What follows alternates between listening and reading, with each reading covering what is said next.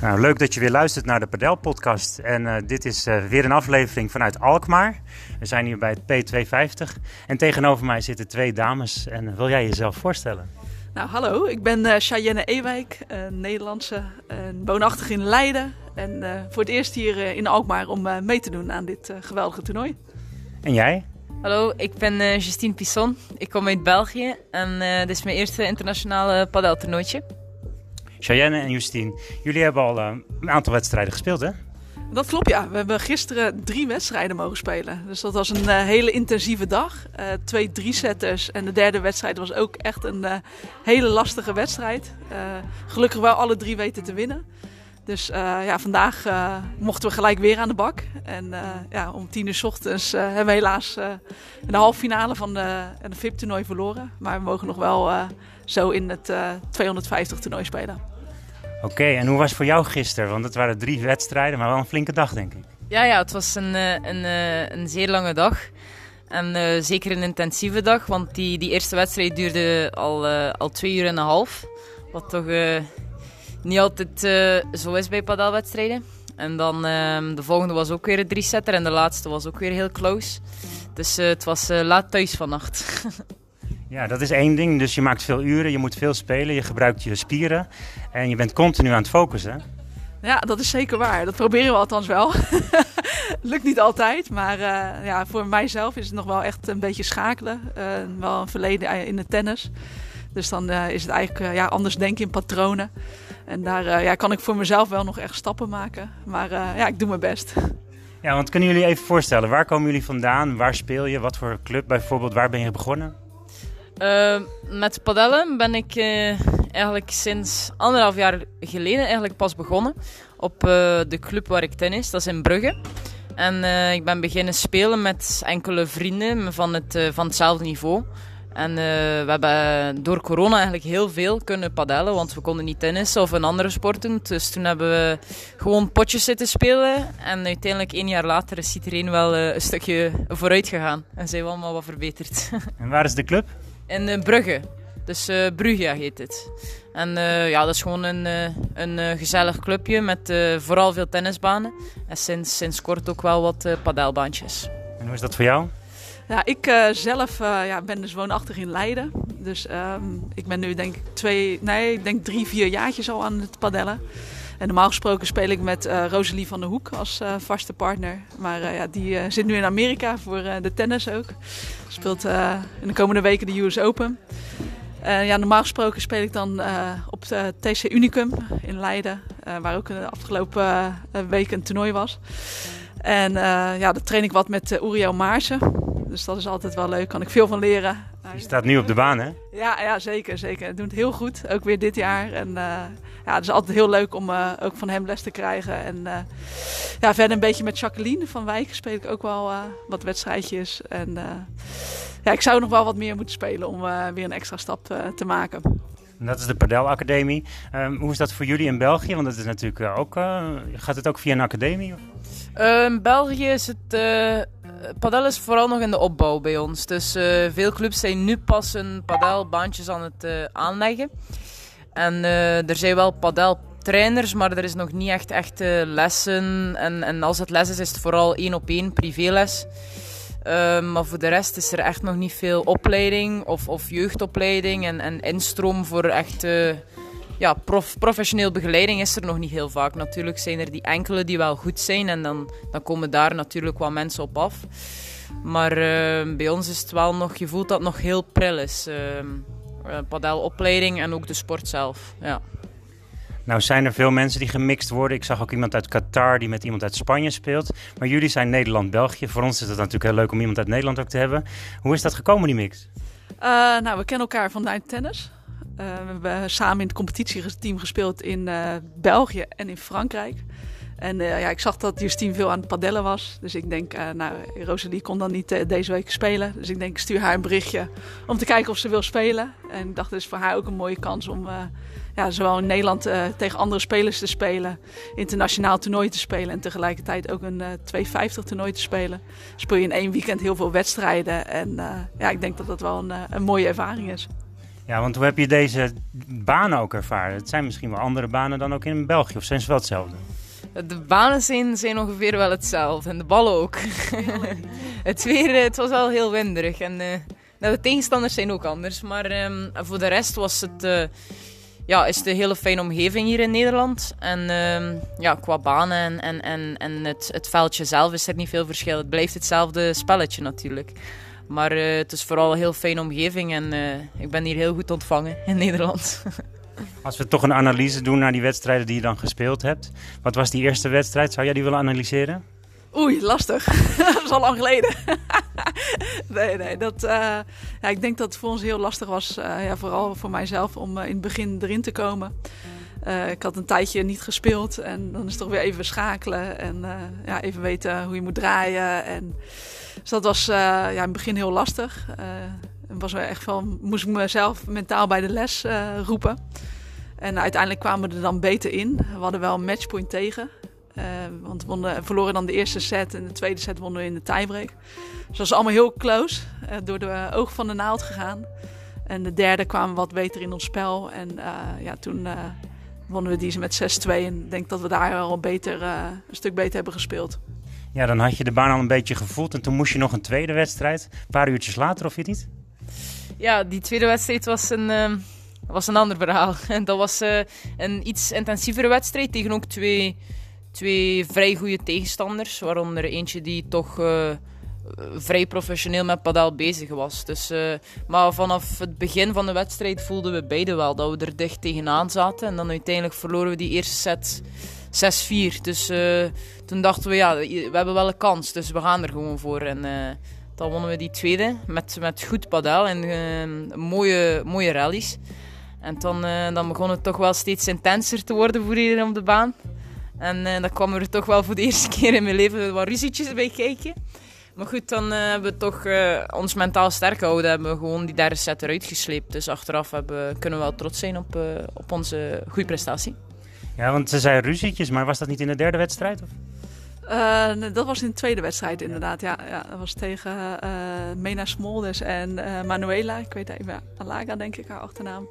Dus dat, dat ging vrij heftig aan toe. En er moest meerdere keren de scheidsrechter aan te pas komen. En dat is eigenlijk wel vrij uniek in padel. Meestal los je dat gewoon onderling op. En ja, ik had zelf had dat eigenlijk nog nooit meegemaakt. ja, het is eigenlijk altijd in, met padellen gewoon een stuk relaxed het sfeertje in vergelijking met andere sporten. En iedereen is gewoon eh, sportief. En uh, ja, je lost het gewoon met elkaar op. Dus dat was een hele nieuwe ervaring. En uh, nou ja, het, helaas was het niet anders. Ja, het is jammer hè, dat het dan zo moet lopen. Dat er woorden worden geslingerd en dat op een gegeven moment zelfs misschien wel een beetje naar iemand naar je toe kwam en je belaagde. Ja, wel, um, het was, um, ik had het gevoel dat ik niet heel veel in het begin meedeed aan de ruzie, want het ging vooral in het Spaans eraan toe en dat is niet echt, nou, dat, dat versta ik helemaal niet.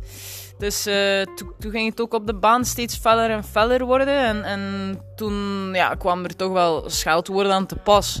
Dus dat vond ik wel... Ik begon het wel heel storend te vinden. Want wij zeiden, wij willen gewoon spelen. Maar ja, we het gevoel dat de discussie steeds uitgelokt werd. Dus dat was ergens wel uh, jammer. Dus ja, dan achteraf... Ja, dan kan je wel geloven dat... Uh, dat uh, dat het gevecht nog niet over was voor hun, precies voor ons wel. We dachten, ja, we hebben gewoon, we gaan gewoon naar huis. Uh, we, zijn, we zijn blij. Maar uh, ja, het zat, uh, het zat wel wat diep voor eh, onze tegenstanders. En toen, ehm, ja, toen voelde ik dat er wel iemand ja, in Spaans begon verwijten aan mijn hoofd slingeren. En toch wel redelijk agressief uit de hoek kwam. Dus en dan achteraf haar partner heeft me toch dan wel even, ja, even een stootje gegeven. Dus dat was ook wel uniek om te zeggen. Dus dat heb ik, uh, allee, dat heb ik nog nooit meegemaakt. Ook niet in tennis, want dat is, uh, ja, dat is niet normaal op een sportclub natuurlijk. Maar... Ja, zij liep achter je aan en ze gaf zo'n klein schopje, Ja, wel, ze liep achter me aan en uh, ja, van van achter. Dus ik was gewoon op wandel naar binnen. Dus dat was wel dat was uniek. Ik denk dat het verlies een beetje hoog zat voor haar en eventueel nog andere frustraties erbij. Dus uh, ja, dan uh, was ik blijkbaar de prikkel. Ik liep daar voorbij en uh, ik deed het haar, haar bloed nog sneller koken, precies. Ze was erg boos. Heb je dat ook wel eens gehad? Dat je, misschien dat je kleiner was, dat je ging trainen en spelen en verloor. En dat je dan zo boos was dat je je racket gooide? Of... Uh, nou, meestal kan ik me goed inhouden. uh, misschien uh, ja, vroeger toen ik 14 was of zo. Maar ja, ik kreeg altijd te horen van racket moet je gewoon in je, je hand houden. En daar moet je gewoon mee spelen. Dus ehm, ja, nou, af en toe we lopen wel frustraties hoog op. En dan kan er wel eens iets gebeuren. Maar hij probeert jezelf wel altijd gewoon in de hand te houden. Dus. En jij, heb je wel eens eerder dat je echt boos op jezelf was of boos op de ander? Ja, ja zeker, zeker. Ja. Ik denk als je, als je sport doet en, en wil vooruitgaan, dat het soms wel nodig is dat je soms eens kwaad bent op jezelf en dan weer het beste jezelf naar boven haalt.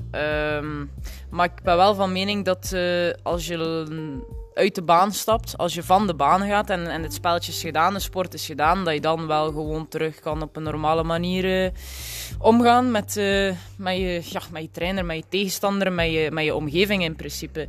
Dus dat is voor mij wel heel belangrijk, dat wat er op de baan gebeurt, dat, dat blijft op de baan en achteraf moet je daar toch wel rustig kunnen over praten. Dus het is toch wel zonde dat er achteraf dan nog allemaal dingen worden meegenomen en, en ja, verwijten. Want in principe als, als tennisser begrijp ik uh, heel goed dat soms, uh, dat soms allemaal heel intens kan zijn. En, en, en misschien onrechtvaardig, ja, want wat voor mij rechtvaardig is, was voor haar niet, niet rechtvaardig, blijkbaar. Dus, uh, maar ja, het is wel heel jammer dat er dan iemand zich op die manier gaat afreageren. Ja, dat, dat, dat kan niet echt. Maar ja. Ja, dit is een nog wat klein toernooi. Je hebt natuurlijk veel grotere toernooien. En voor tennis is dat Wimbledon en dat soort dingen, Roland Garros. Um, wat is dat voor padel? Nou, padel heb je de WPT Tour. Dat is eigenlijk nog een eh, stapje hoger dan uh, waar we nu zijn op de VIP Tour. En uh, ja, daar heb je dus ook verschillende categorieën in. En je hebt eigenlijk de WPT Masters is dan eigenlijk het toernooi voor de beste, ik denk acht spelers of acht koppels. En uh, ja, die spelen dan onderling ga je, ja, eigenlijk om de titel van ja, beste speler van de wereld, zeg maar. Ja. Dan weet je vast wel wie hier op nummer 1 staat van de dames. Oei. Oei Volgens mij is dat op dit moment Gemma Trial. Ja, want dit is natuurlijk wel nog een flink stapje om te nemen als je ooit dat zou willen bereiken. Ik weet niet, hoe oud zijn jullie nu? Ik ben nu 33 en eigenlijk de top uh, van padel die ken ik vanuit mijn tennisverleden. Heb ik allemaal uh, tegen gespeeld, uh, in hetzelfde competitieteam eh, gezeten, omdat ik ook jaren in Spanje heb gewoond. Dus ik ken ja, de, de zusjes, ken ik, de tweelingzusjes. Ik ken Marta Marrero goed en ja, ik, ik, ken Lucia heb ik tegen gespeeld. Ik heb eigenlijk tegen iedereen wel gespeeld. Maar uh, ja, goed, die zijn echt al jaren alleen met padel bezig. Uh, Marta die, uh, Marrero die heeft vroeger ook echt heel hoog gespeeld. Op de 17e kwartfinale Roland Garros stond top 50. Maar... Kan je dan ook nog tegen ze winnen of punten halen? op de tennisbaan wel. op de padelbaan wordt het wel heel lastig. Ja, nogmaals, hun zijn echt al denk tien jaar fulltime met padel bezig.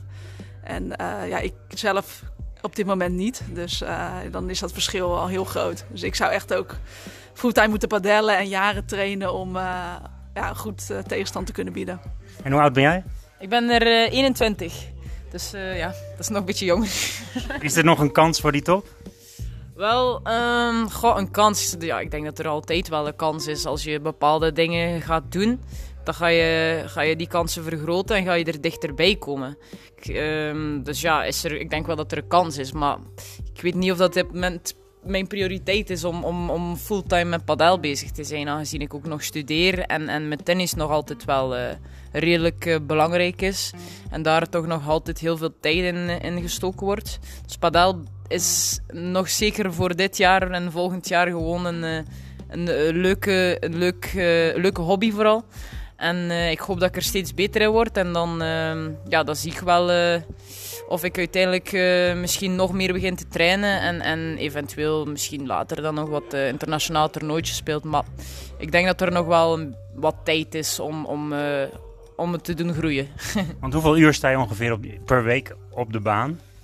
Wel, dat is afhankelijk, maar dat is eigenlijk niet zoveel. Ik probeer wel wat toernooitjes te spelen, dus die uren die kunnen wel wat oplopen. Zeker als er veel drie-setters tussen zitten, maar anders is dat toch maar ja, ja, ik zou zeggen vijf uur, vijf uur per week. Dat is dan vooral wat met vrienden. Dus dat is, dat is bij mij ook nog nooit echt trainen geweest.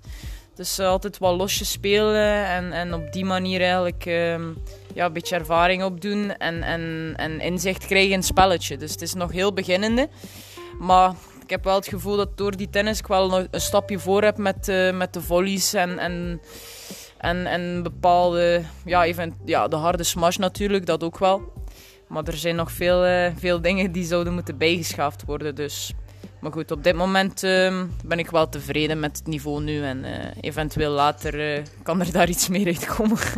Het is maar net met welke vrienden je ook speelt. Want jij speelt dan met Uri, dus dat is natuurlijk sowieso een topper. hoeveel uur zit jij op die baan? Uh, helaas ook te weinig. Ook een fulltime job. Dus uh, daar gaat heel veel tijd naar. En, uh, Wat doe je daarnaast dan?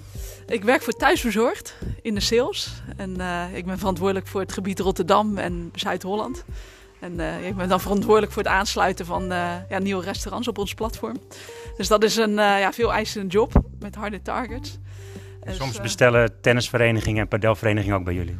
ja, zeker, zeker, zeker. Gisteren werd hier nog thuis bezorgd, dus uh, daar word ik altijd blij van. En uh, nee, dus daarnaast, uh, ja, ik tennis dan ook nog wel wat competities in het buitenland. Dus ja, padel is op het moment ja, door de week, laten we zeggen twee uur. Maar meer red ik ook niet. Dat is toch echt veel te weinig? Dat is ook echt veel te weinig. Ja, daar ben ik me van bewust, maar ja, je kan niet alles doen, helaas. En s ochtends om zes uur op de baan te gaan staan? dat zit er nog niet in. Nee, ik ben geen ochtendmens. ik moet gewoon lekker even een beetje uitslapen. en dan heb ik toch nog wat vragen over jullie techniek. Want als je naar jezelf kijkt als speler, wat voor speler ben je? Waar ben je sterk in? Wat is voor jou een beetje waar je van je merkt van dat is toch wel mijn kracht? Goh, wel, uh, ik merk toch dat mijn kracht vooral aan het net zit.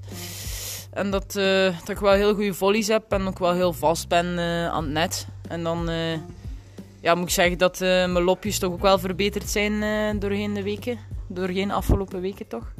Dus uh, ja, er zijn wel nog dingen die kunnen verbeteren, maar ik denk toch vooral dat mijn kwaliteit uh, aan het net ligt en uh, wat meer in de aanval. Als je maar genoeg lopjes teruggeeft, dan kun je altijd een punt winnen natuurlijk. Maar wat is voor jou je kracht? nou, ik zou zeggen ook netspel. En ook natuurlijk weer vanuit het tennisverleden. En ehm, ja, ik denk een beetje reactie aan het net. En misschien ook wel spelinzicht. Al loop ik nog wel vaak fout bij padel in de foute lijnen. Maar, uh, en misschien een beetje omgaan met de wedstrijdspanning. Dat, uh, dat je dat ook wel, uh, ja, natuurlijk jarenlang ervaring in het sporten zelf. Ja, op wel redelijk hoog niveau. Dus dat, dat neem je dan ook wel mee. Want als je nu naar Ori en Brambox kijkt, dan zeg je van, nou, die communiceren ook echt. Hè? Ze hebben echt hele technieken ontwikkeld om te praten. Dus ze hebben voor en ze zeggen waar de spelers staan. Doen jullie dat ook? Hebben jullie dat ook gebruikt? Nou, dat is dus als je echt een vaste partner hebt. Hè, dan, kan je, dan speel je natuurlijk echt constant met elkaar. Weet je, wanneer er iemand gaat instappen en wanneer je achterblijft. En hè, dan is mijn, ja, je, je hoeft eigenlijk al niet eens meer zo te communiceren. Je weet al een beetje wat de partner doet op welke bal. En dat is natuurlijk altijd lastig als je voor het eerst met iemand speelt of uh, je hebt geen vaste partner. Dan moet je daar constant in schakelen. En ja, ik vind ook wel dat uh, ja, we zouden meer kunnen communiceren. Bij mijzelf zit dat niet in mijn systeem. Maar ik zou wel echt inderdaad, ja, daar help je je partner natuurlijk uh, enorm mee. Als jij gewoon ja, een beetje aanwijzingen geeft of informatie over de tegenstanders ja, kan zeggen. Dit was een leuke wedstrijd zo samen natuurlijk. Gaan jullie dat vaker doen? Nou ja, ik, uh, als ze wil.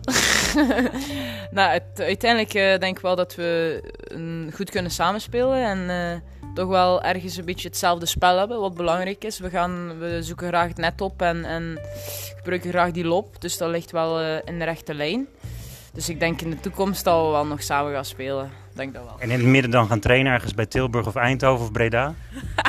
nou, zij komt maar lekker naar Holland rijden. Gewoon naar Leiden. Dank jullie wel voor een heel leuk interview.